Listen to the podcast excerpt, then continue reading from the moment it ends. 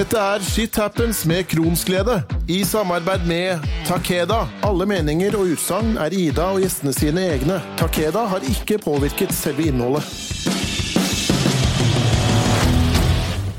Ny uke, og her i dag har jeg med meg IBD-panelet for å prate litt om et tema som vi skal innom gjennom flere episoder, eh, nemlig foreldreskap som kronisk syk. Det å skulle planlegge et barn er en prosess for mange. Det er mye bekymringer, og mange venter på det rette øyeblikket der alt skal være klart for å sette i gang og prøve. Men er du da i tillegg kronisk syk, så dukker det kanskje opp en hel haug problemstillinger og spørsmål opp. Og det er nettopp dette vi har tenkt å prate litt om i dag. Vi kan ikke love deg en løsning eller enkle svar på hvordan du skal gjøre dette her, men vi kan gi våre erfaringer og våre tanker. IBD-panelet består av meg sjøl, Ida Vinstad, jeg er mamma til fire og har hatt Crohns over 20 år. Og så er Nils Jørgen, en kort eh, intro av deg. Jepp. Nils Jørgen Fritzø, 42 år. Eh, Felicia eh, på 17 og Oskar på 13. Og nylig fått meg kjæreste, Ida. Å, så koselig. Uh. Og så har vi Regine, da. Din tur. Ja, mitt navn er Regine Monroe. Jeg er 51 år.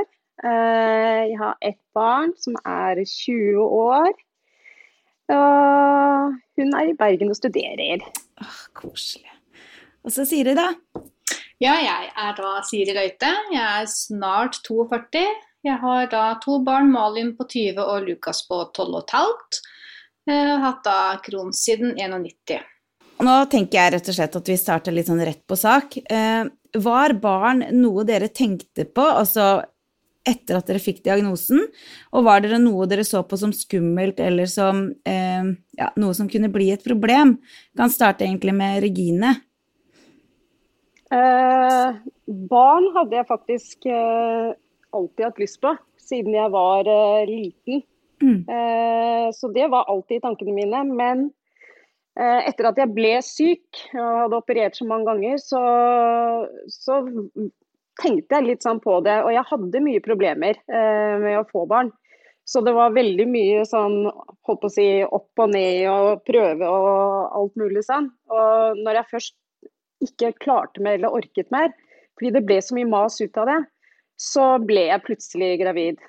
Eh, og da kom jo disse bekymringene om om jeg ville miste det og, og sånne ting. fordi at uh, du tenker jo sånn Gud, er jeg virkelig så heldig? Med å bli gravid.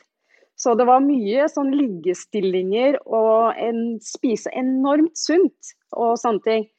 Men én ting jeg må si, er at graviditeten var faktisk noe av det beste jeg har vært igjennom med det å, å være frisk. Eh, men ikke siste delen, da. Det, det var ikke bra. Eh, da var det veldig mye dramatikk med med keisersnitt og blodforgiftning og hele pakka. Det, det, var ikke bra. Ja, men selve graviditeten og sånn var fin? Ja, den var helt, mm. helt nydelig, altså. Så det husker jeg som en uh, fantastisk uh, opplevelse. Virkelig. Ja. Siri, åssen var det for deg når du Du ble jo syk ganske tidlig. Um, og da Var det noe du tenkte på? Som veldig ung så tenkte jeg aldri på det som noen utfordring. Uh, det også skulle kunne få barn eh, og kunne gå gravid bl.a. Eh, og ha den sykdommen. Jeg tror ikke den tanken slo meg i det hele tatt. Um, og det er klart, det var vel, Jeg hadde vel ikke sånn kjempeproblemer heller med å, å bli gravid, men jeg var jo ikke klar over um, eventuelle utfordringer man kunne få i svangerskapet. da. Det var jeg mm. ikke helt forberedt på. Nei, Det var ikke noe som hadde snakka med deg om? Nei, ikke i forkant. Nei. Men, men uh, jeg må jo si i hvert fall Jeg, jeg har snakka med andre som ikke har vært like heldige, men, men jeg må vel si at jeg syns jeg har vært veldig heldig fordi at fra den dagen som jeg har fått greie på at jeg er gravid, så har jeg fått en veldig tett og fin oppfølging eh, fra det offentlige helsesektoren med eh, ganske regelmessig ofte ultralyder mm. og jordmortime og sånne ting. Så jeg har nok vært veldig heldig kontra mange andre, altså. Og mm. da føler en seg litt tryggere sjøl også, mm. når man blir så tett fulgt på. Eh, og så har vi da Nils Jørgen, da, som er eh, mannen i, i hurven vår. Eh, hadde du noen tanker rundt dette her å skulle bli eh, forelder eh, i forhold til at du var syk? Mm, det hadde jeg altså absolutt. Uh, og det er jo gjerne sånn når man er, når man er veldig, veldig syk. og uh, Da blir man jo også tvungen til å være ganske egoistisk, ikke mm. Uh, så, så det også Tanken på å skulle fordele energien jeg hadde med flere enn bare meg sjøl, den jeg, jeg, gikk noen runder med meg sjøl virkelig på det, altså. Uh, og, og, jeg hadde jo ingen bekymringer selvfølgelig i forhold til graviditet, sånn som dere har, men jeg, men eh, jeg hadde allikevel mine tanker rundt hvordan, uh, hva slags type pappa jeg kunne få bli. Mm. Ja, så absolutt. Ja, for min egen del så merka jeg at jeg eh, gikk mange runder på om jeg skulle bli godtatt som mamma, da, i forhold til de som var friske. Fordi ja, jeg var veldig opptatt av den gangen uh, å skulle bli en bra nok mor, og hva andre tenkte om meg. Uh, nå så må jeg jo si at det var helt idiotisk tenkt sånn sett, men ja, jeg var veldig jeg, tenk, jeg, var redd for at andre skulle se på meg som en dårligere mamma da, fordi at jeg var mm. mye syk, rett og slett. Hadde dere fått eh, god informasjon rundt dette på sykehuset, og da tenker jeg ikke nødvendigvis på graviditet og fødsel, eh, men den tida etterpå og hvordan man skulle takle det som syk forelder. Eh, for graviditeten den varer jo ni måneder, mens foreldreskapet varer livet ut. Nils Jørgen, starter med deg. Var dette mm. noe dere hadde prata om? Jeg snakka ikke mye med helsevesenet om det sånn i utgangspunktet, men, men, i og med at jeg gikk på medisiner, så, så måtte jeg jo gjøre noe valg i forhold til hvordan vi skulle løse det. Så, så, men Jeg kan sikkert skylde meg litt sjøl, for jeg spurte jo ikke noe særlig heller. Men, men jeg, jeg, involverte ikke helsevesenet veldig i forbindelse med at jeg skulle bli pappa og utfordringene mine framover rundt det. Det gjorde jeg ikke. Eh, men jeg har også lyst til å nevne at eh, når jeg først når jeg ble pappa, så, så fikk jeg en knekk skikkelig psykisk. Det har du og jeg snakka om før, Ida. Eh, og, og, dere damer er jo Man hører jo ofte om, om fødselsdepresjoner og sånne ting. Eh, og jeg også mm. fikk føle litt på den biten der. Så jeg fikk meg en liten aha-opplevelse når jeg først blei pappa. Eh, men jeg eh, hadde ikke noen tanker rundt akkurat det når jeg skulle Når, jeg, når, vi, når vi, liksom satte i gang det. Jeg visste ikke at det skulle komme. Nei. Eh, Siri, da? Var det noe de prata med deg om, eh, dette her med foreldreskap? Også? Nei, i grunnen ikke. Nei. Eh, det var en tett oppfølging under svangerskap og sånn, og det var det det var hovedfokus om. Og så mm. fikk man jo man fikk jo en del sånne ark hver gang man kom dit, i, mm. forhold, kan, i forhold, til barseltid mm. og sånne ting. Så det var jo da valgfritt man, hvor mye man vil lese på det. Mm. Eh, men det er klart, som, som en vordende mor, så blir man jo altoppslukende i mm. sånne ting. Men, men, veldig fokus på tiden etterpå og framover og foreldrerollen, det har vel aldri vært. Grunnen til jeg spør er jo egentlig litt i forhold til um jeg tenker det er en stor greie, da, eh, å være kronisk syk. Eh, og for mange så er jo å velge om man skal bli mamma og pappa, eller om man skal rett og slett la det være, eh, en prosess som er ganske vanskelig, for noen ganske lang. Så jeg tenker at noen ganger da, så burde det ikke vært nødvendigvis vi som skulle tatt opp den samtalen, men at det skulle vært en helt naturlig del i disse her uh, timene vi har, da, at det blir spurt om har du tenkt på dette her med uh, å bli forelder, ikke sant? At det skal være en mer naturlig ting i det, da. Uh, Regine, var det noe de snakka med deg om? Ja, vet du hva, det, det, har jeg faktisk tenkt en del på. Fordi når jeg var gravid, eller før jeg var gravid, så visste jeg liksom ikke så mye om det, eller ville ikke vite så mye om det. Og, og, og, da var det og Hvis du hadde stilt meg det spørsmålet da, så hadde det ikke vært noe tvil uansett. Jeg skulle ha barn, liksom. Mm. Men med alt det jeg har gått gjennom, eh, for å si det rett ut, jævelskapen, mm. ville man ha utsatt sitt eget barn for noe sånt nå? Mm. Er man da egoistisk, eller hva er man? Så mm. for meg så kan jeg faktisk ikke svare på det spørsmålet. Fordi man vet ikke. Eh, siden det er jo snakk om arvelighet og, og alt dette, mm. så vet man ikke. Nei. Så jeg syns at eh, for min egen del så gjorde jeg gudskjelov et godt valg. Eh, men det er søren meg vanskelig, altså. Kjempevanskelig. Det er veldig vanskelig. Mm. Og det gjør jo også at jeg tenker at det er viktig at man tenker gjennom det, da. Og at man kan stå ja, for det veldig. valget man på en måte tar, fordi ja. Um, ja. det er mange ting en skal tenke gjennom, rett og slett. Uh, jeg sitter jo nå med uh, fire barn. Jeg var ganske ung når jeg mm. fikk høre første gangen at både det å bli gravid og fødsel mm. kunne bli ganske vanskelig for meg. Og det mm. påvirka meg faktisk ganske mye. Og dette har vi også snakka om før, for jeg mener jo at helsevesenet kanskje ikke burde sagt så mye om hvor vanskelig ting skulle bli. Ja. For det, det forma meg veldig mye da, og jeg tenkte så mye på at dette her blir vanskelig, og dette her blir tøft. Men så gikk det jo superbra. Så dette her med den um, Ja, kanskje ikke legge så mye vekt på hvor tøft det nødvendigvis kommer til å bli, uh, og heller la oss prøve, da. Uh, hva tenker dere om det? Det er jeg faktisk enig i. For uh, du går heller med den negativiteten gjennom hele, istedenfor å prøve å se det positive i det. Mm. Jeg var helt sikker på at dette ikke kom til å gå. Ja, men det er det jeg mener. Hadde jeg fått høre det, så hadde jeg gjort det samme. Så, så det er jeg fullstendig enig med deg i, altså. Ja, så gikk det jo fint. Det er klart at vi prøvde jo ganske lenge på nummer én, men eh, ja. hun kom av seg sjøl, og vi trengte jo ikke den hjelpa som jeg omtrent eh, fikk beskjed om at det, vi kom til ikke til å klare det vi uten den hjelpa. Eh, og alle Nei. barna våre er født, eh, eller født, de er kommet av seg sjøl, så det er helt naturlig eh, på en måte. Så ja. Jeg syns det er mm. trist da, at de skal være så bombastiske hele tida eh, på ting. Jeg hadde aldri vært i tvil om at jeg noen gang ville ha barn, altså uansett mm. Eh, situasjon egentlig. Eh, og selv om en eh, kanskje hadde visst det man vet i dag, da, med alt en har vært gjennom, hva det egentlig har kosta opp gjennom de åra, så ingen kunne sagt det til 24 år. Nei, det er akkurat det. 24 år barn uansett. Nei. Det er akkurat det. Mm. Jeg hadde gjort det igjen uansett, selv mm. med den eh, erfaringen jeg har fått i etterkant. Ja. For vil man ha noe, så vil man ha det uansett. Mm. Selv om man vet om eventuelle konsekvenser det kan få, eller utfordringer. Mm. Og så er det nå engang sånn at uh, som 20-åringer så er jo også konsekvenstenkninga vår er jo ikke akkurat helt på plass heller.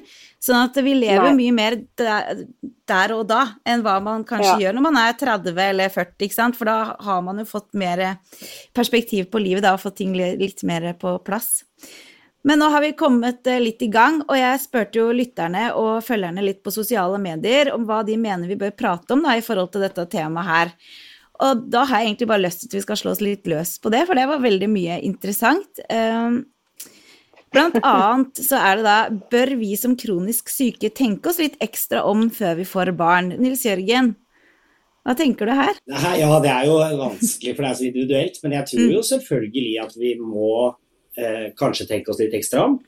For vi har en bagasje som ikke friske folk mm. har. Mm. Eh, og så er jo vi fire eksempler på at det går helt fint an å være forelder og mm. vel så det. Altså gode mm. foreldre eh, selv om vi har en sykdom eller to.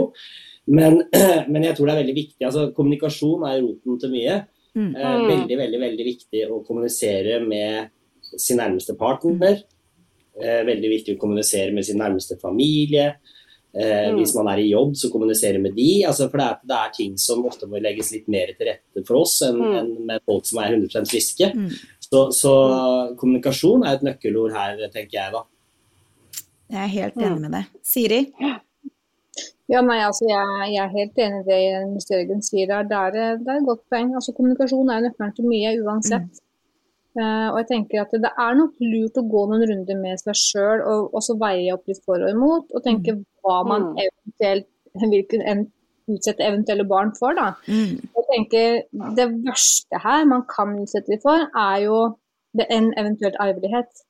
Fordi at jeg ville jo aldri at mine barn skulle gjennomgått eh, det helsike av en oppvekst som en har hatt sjøl, i forhold til Eh, undersøkelser og sykehusinnleggelser, alt en har gått glipp av, ikke minst. Eh, så akkurat det, det vil jeg spart dem for for enhver pris. Men jeg tror vel ikke barna tar så veldig skade av å se litt den siden av Altså, er man syk, da, eh, og ikke fungerer uh, ulike dager, så tror ikke de tar så veldig skade av å se det. De har kanskje, ja, Det høres kanskje rart ut, men, men godt av å få med seg litt sånne ting i livet. At ikke alt bare går på skinner, men at vi har noen utfordringer alle mann, og så er det hvordan vi kan takle dette her sammen. Og Jeg tror jeg kan være en fordel. Eh, men selvfølgelig, det kan jo selvfølgelig ha masse baksider hvis det er veldig veldig mye over lang tid. Så blir det bli slitsomt for barna òg. Men alt i alt så tror jeg det kan være en bonus. Ja, og så tenker jeg at eh, det handler jo også om igjen da, at eh, vi må involvere de rundt oss i sånne perioder hvor ting er skikkelig tøft. Vi må mm. få inn hjelp, vi må på en måte takle og ja, innrømme da, at vi trenger litt hjelp. Der har jeg vært kjempedårlig. Jeg har ikke vært god til å, å si at eh, vær så snill, hjelp meg, selv om jeg har vært kjempesliten. Eh, fordi jeg da helt ifra starten av, ikke sant, det å få barn for meg var kjempeviktig. Eh, også mm. har jeg hatt et stort behov for å bevise eh, alle at dette her kan jeg, selv om jeg er syk. Og derfor så har det vært sånn at eh, at jeg da skal si at vet du, nå trenger jeg hjelp, det er for meg, selv om mm. det er helt sykt å si det, så har det vært da et bevis eh, på at ja, men da takla du det ikke, da. Da kunne du det ikke allikevel. og når jeg sier det, så er, høres det helt idiotisk ut, men det har vært mine tanker. Det har vært en sånn eh, ordentlig vond ting. Eh, så derfor så har det slitt meg mye mer ut enn hva mm. det nødvendigvis hadde trengt, da, hvis jeg hadde fått litt mer hjelp. Og det har ikke stått på tilbudet. Nei, ikke sant. Men der også kommer den dårlige samvittigheten inn eh, når det gjelder datteren min. At jeg har utsatt henne for det pga. min egoisme ved å ikke spørre om hjelp. For da har hun sett de vonde sidene ved meg, istedenfor at jeg ba om hjelp når jeg hadde det helt grusomt. For det at du står omtrent og, og, og krabber bortover gulvet for å ta henne opp og sånne ting. Og dette her ser hun. Men å be om hjelp Nei, det skulle du ikke. Og når jeg, jeg veldig på det nå, ja, altså hva hun har gjennomgått, altså. Det er helt horribelt. Så det er et eller annet som skjer oppi knollen din, altså. Det krever mye mer styrke, tenker jeg da, å be om hjelp ja. dagene, hodene som det er virkelig ille. Eh, ja. Litt tenker altså litt vil man jo klare. Vi venner oss jo til veldig mye og mm. står i både smerte og mange ting ja. som vi klarer å skjønne det daglige. Men jeg tenker i de verste periodene eller de verste dagene, så er det faktisk lov å be om hjelp. Og det er jo litt med hensyn til barna òg, at, at, de kan jo bli skåna for de verste. For de dagene så har man jo mer nok til å kunne klare å ta vare på seg sjøl. Og da klarer man i hvert fall ikke å ta vare på små barn. Nei, nei. Så jeg gjorde som regel ikke det, jeg også. Og det, det sliter jeg med veldig i dag, altså. Det er så vidt jeg klarer å prate om det. Fordi jeg vet at jeg har ødelagt henne Uff, nå begynner jeg. og, da, dere vet jo at ikke jeg klarer å prate om det, mm. men mm. jeg har ødelagt henne veldig mye der, altså. Mm. Veldig mye. Dessverre. Så det er veldig tøft. Det er bitter å bære noen nag til deg av den grunn. Og så tenker Vi kan uansett ikke få gjort noe med dette. her, Vi får ikke gjort, du, Uansett så får vi ikke gjort noe med hvilke valg vi allerede har gjort. Eh, det du kan gjøre noe med, er jo det som kommer etterpå. sant? Og jeg tenker mm. at eh, Ja, eh, vi har alle våre ting da, som vi gjerne skulle ønske vi hadde gjort annerledes. Men der og da så var det riktig valg for deg, ikke sant? Det var det du valgte, det var det du følte var riktig. Ja, jeg ville bare ha at hun skulle være nær mammaen sin. Mm. ikke sant? Alt annet var forsvunnet ut av hodet. Mm. Men uh, når hun ble eldre og kunne begynne å snakke og, og fortelle Men altså det, nei, det var helt uh, forferdelig. Så helt grusomt. Så, men, men. Man tenkte jo ikke sånn da. Nei, det er akkurat det. det, er akkurat det. ja. Uh, og nå kommer vi egentlig litt videre på neste, for den følger litt etter. Ja. Det er da uh, en som spør om er det en egoistisk handling av oss som er syke, mm. å sette barn til verden. Hva er deres tanker der? Uh, og mitt umiddelbare uh, svar til det er jo både og, ikke sant? Fordi ja. Uh, ja. det er jo egoistisk, men det er vi jo alle. ikke sant? Om man er syk eller ikke, så er jo det å få barn et valg som er ditt eget. ikke sant? Du, det er jo du som mm. ønsker det barnet. Eh, men så har vi jo vi har noen større utfordringer som syk eh, enn de som er friske. Men så har du ingen garanti, da. Den som er frisk når man er gravid eller når man blir forelder, kan jo bli alvorlig syke eh, når barna er ti. Så det er jo ja. ja, hvor mye skal det farge oss, da. Hva tenker dere her? Jeg tenker at, jeg tenker at som nevnt så er det veldig viktig å tenke seg om en ekstra gang og, og uh, reflektere mer over det kanskje enn hva friske personer trenger å gjøre. Mm. Men eh, jeg vil aldri kalle det egoistisk, det vil jeg ikke gjøre. Siri?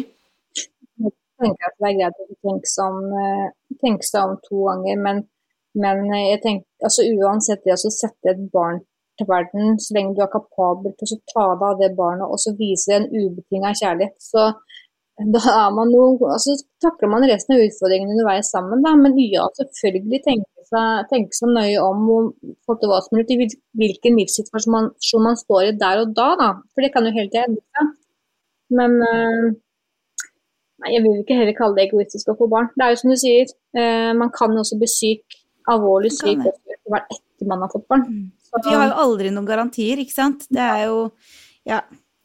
Og så er det dette her da med risikoen for arvelighet, ikke sant. Den er, jo noe vi alle sammen har kjent på, regner jeg med. Det er jo vår største frykt, i hvert fall én av dem.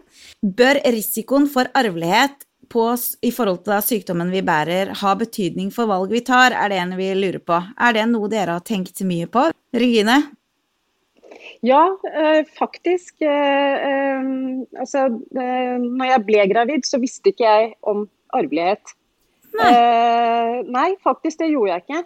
mye pga. at jeg ikke var så mye på sykehuset. Ja. og hadde ikke oppfølging der i det hele tatt. Så, men jeg leste mye om det fordi at India hadde veldig mye problemer med mage når hun var baby. Mm. Akkurat sånn som jeg hadde. Samme mm. greiene. Det var moren min som minte meg på det.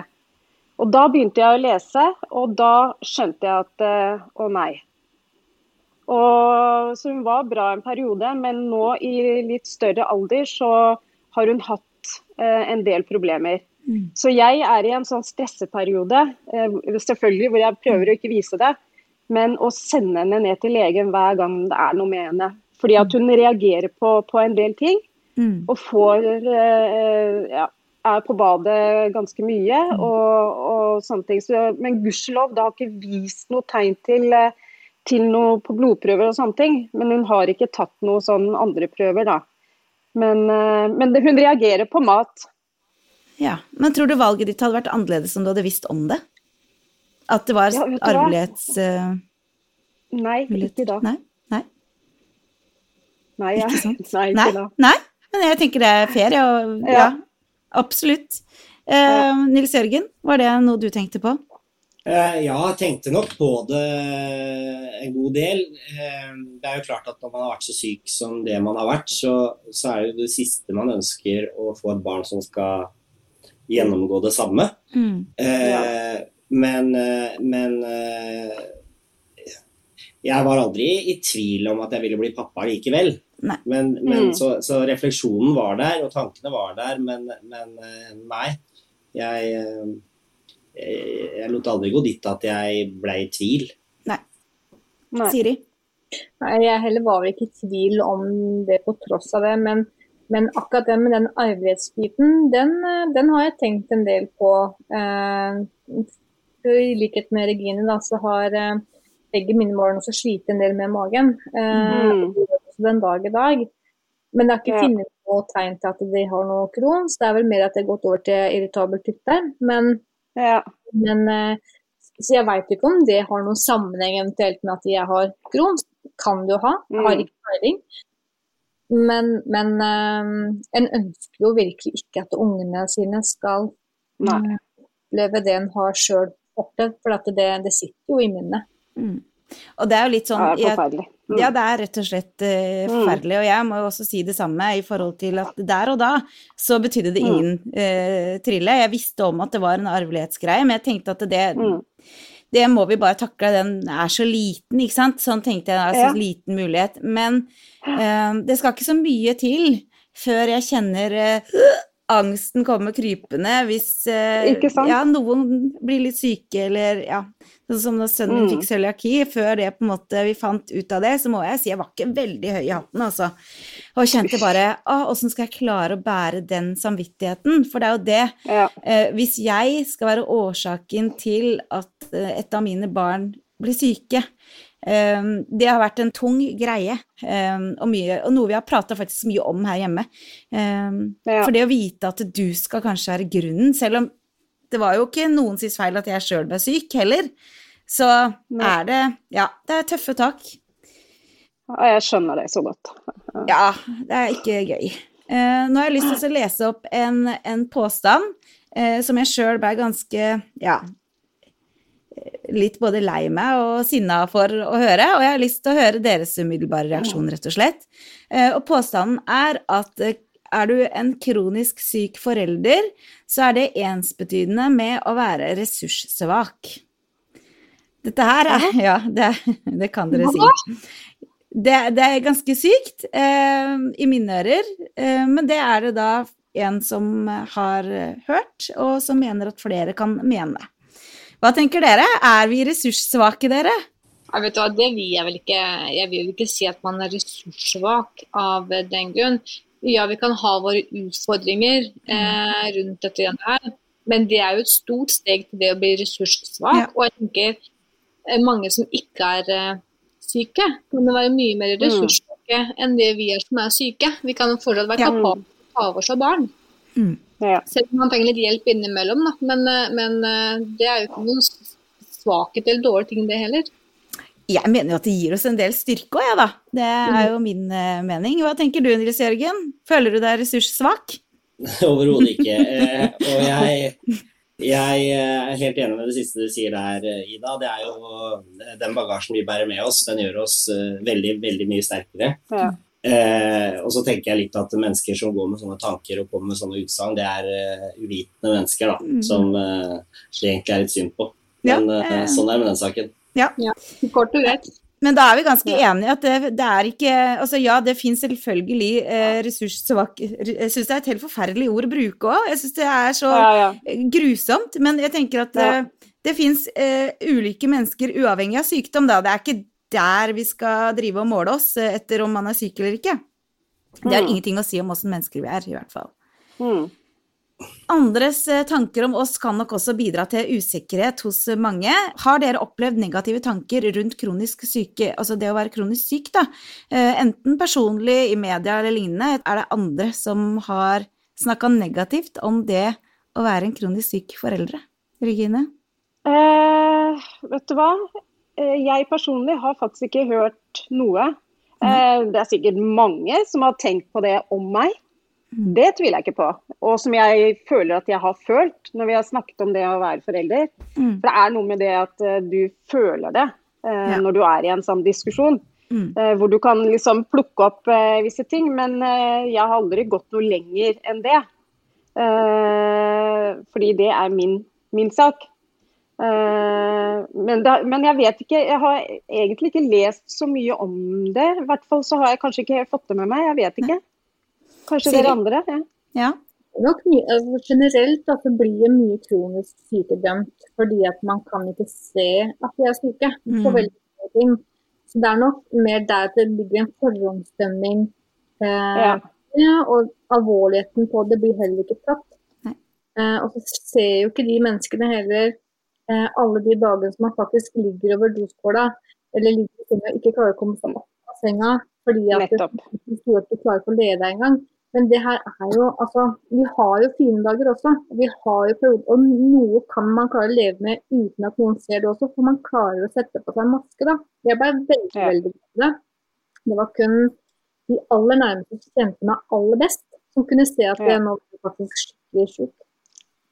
Andre kunne ikke se det. Så, så folk vil alltid prate uansett hva det dreier seg om, mm. om man er syk eller ikke syk. Nils Jørgen? Eh, jeg har helt sikkert lest både i media og hørt i media og sånne ting om, om disse tingene her, sånn, men det, det preller veldig av meg. Mm. Jeg, jeg står så sterkt i meg sjøl at jeg lar meg ikke mm. påvirke av ytre faktorer på hva andre måtte mene om sånne ting. det ja. som betyr noe, det er hva jeg selv mener, og mm. hva ja. de nærmeste familie og kanskje litt venner og sånn mener, selvfølgelig. Men utover det så lar jeg det fint lite gå inn på meg, altså. Ja, jeg kan eh, på en måte si meg enig i forhold til den Ida jeg er nå. Men eh, hvis du hadde snakka med meg som 25-åring, så hadde jeg det nok ikke like lett, fordi eh, jeg var veldig, veldig redd for hva andre tenkte om meg siden jeg var så syk, da, og at jeg da ikke mm. skulle være den eh, mammaen som barna mine eh, fortjente. Og det har jeg allerede snakka litt om, den derre ekstreme opptattheten i å vise andre at 'å, herregud, så flink jeg er', eller eh, ja, ikke vise de svake sine, da. Eh, men så var det jo da noe da som Ja, det, det, blir litt sånn uh, det var noe som gikk igjen som en faktor som spilte faktisk en stor rolle i denne usikkerheten rundt det å skape en familie og det å ikke gjøre det, og det var to ting. Det var redselen for å ikke kunne bli en god nok forelder i hverdagen pga. sykdommen, og redsel for å være en byrde for partner. Eh, og dette tenker jeg er to veldig viktige ting å prate litt om, fordi det er jo to ting jeg har kjent veldig på. For det er jo ikke bare barna eh, som vi merker at vi er syke, da. Vi legger jo også et stort ansvar overfor den vi eventuelt bor med i perioder hvor vi er ganske syke. Eh, Nils Jørgen, hvordan har det vært for dere?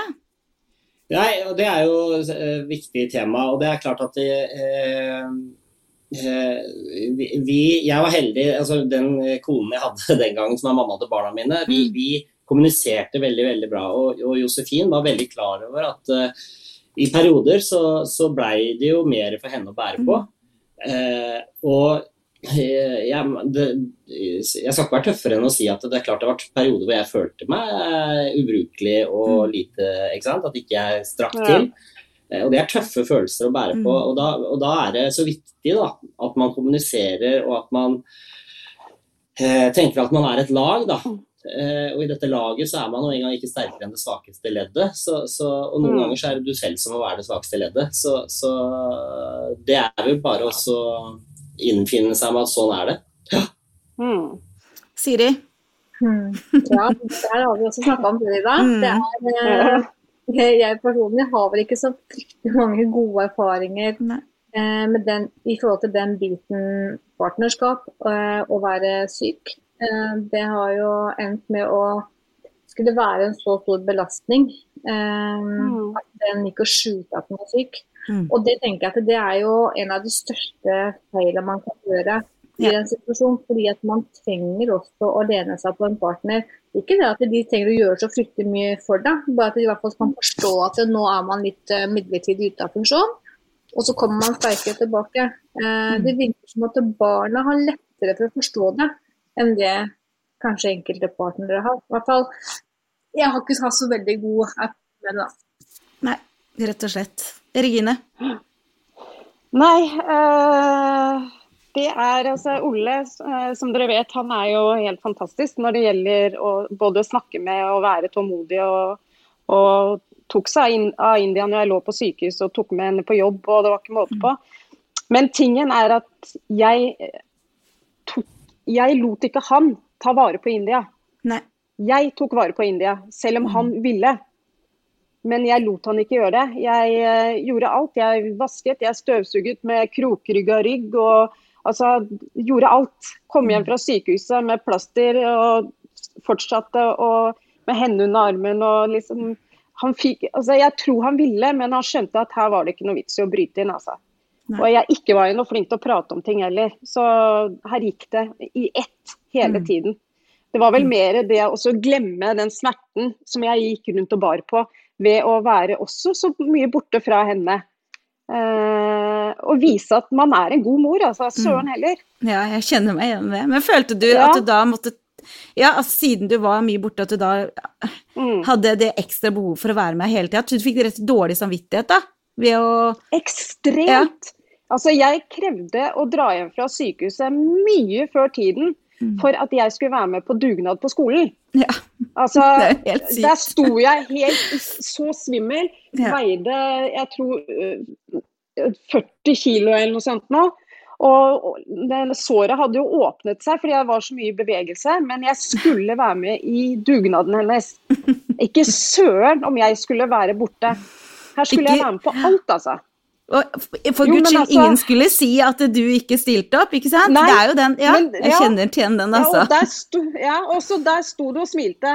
Mm. Og det var ikke måte på hvor Nei. bra jeg var, altså. Mm. Så det, men når jeg kom hjem da og la meg om kvelden jeg, altså, jeg, jeg lot meg selv ikke tenke over ting, altså. For da tror jeg jeg hadde steila eller besvimt eller havnet i en depresjon, jeg vet ikke. jeg tenker jo at eh, det er jo ikke Og jeg kjenner meg som sagt veldig igjen i deg, og jeg tenker ja. at her bør jo være en middelvei. En ser jo, både du og jeg ja. ser jo at det var jo ikke riktig måten å gjøre det på, på en måte. Eh, så det er jo det her med å, å Ja, man kan være en god mor som syk, eh, selv om en Vet du hva sier at nå trenger jeg en pause. Ja. Eller far, for den saks skyld. Ja. Men så er det jo sånn at siden vi har Nils Jørgen som eneste mannen i gruppa, eh, så tenker jeg at du bærer på mye kunnskap som vi ikke kan stille opp med. Ja. Eh, så jeg lurer på, kan ikke du fortelle litt om din opplevelse rundt dette her med å planlegge graviditet, da? For det er jo eh, Det gjelder jo hos damer også, men hos menn så er det jo litt andre ting. Ja, mm. det er helt riktig. Og for oss mannfolkas del, da, så, så, så Eh, jeg hadde en eh, veldig god kommunikasjon med min, eh, med min spesialist på sykehuset i forbindelse mm. med når vi ønska å bli forelder. Og, og på det tidspunktet så gikk jeg både på kortison og på cellegift. og det er mm. medisiner som ikke er veldig gjenforent med det å, å eh, sette barn til verden. Så eh, legen min var veldig klar på at jeg måtte stoppe på medisinene, og jeg måtte være av de i seks måneder. Mm. Eh, så vi, eh, vårt eh, Felicia, da, som var vårt første barn, det måtte planlegges veldig nøye. Da. Så, så jeg, eh, vi, vi, jeg stoppa på medisinene og var uten de et halvt år før vi i det hele tatt begynte å prøve. Da, ikke sant? Mm. Eh, og så gikk det veldig fort, heldigvis. For jeg blei litt sykere Oi. av selvfølgelig det. Det var, noe, det var, en, det var et sånn risikospill, akkurat det greiene der. Mm. Eh, men, men, vi lyktes veldig, veldig godt med det. Eh, og så fikk jeg også et veldig godt råd av legen min når jeg først hadde gjort den jobben med å være uten medisiner i seks måneder.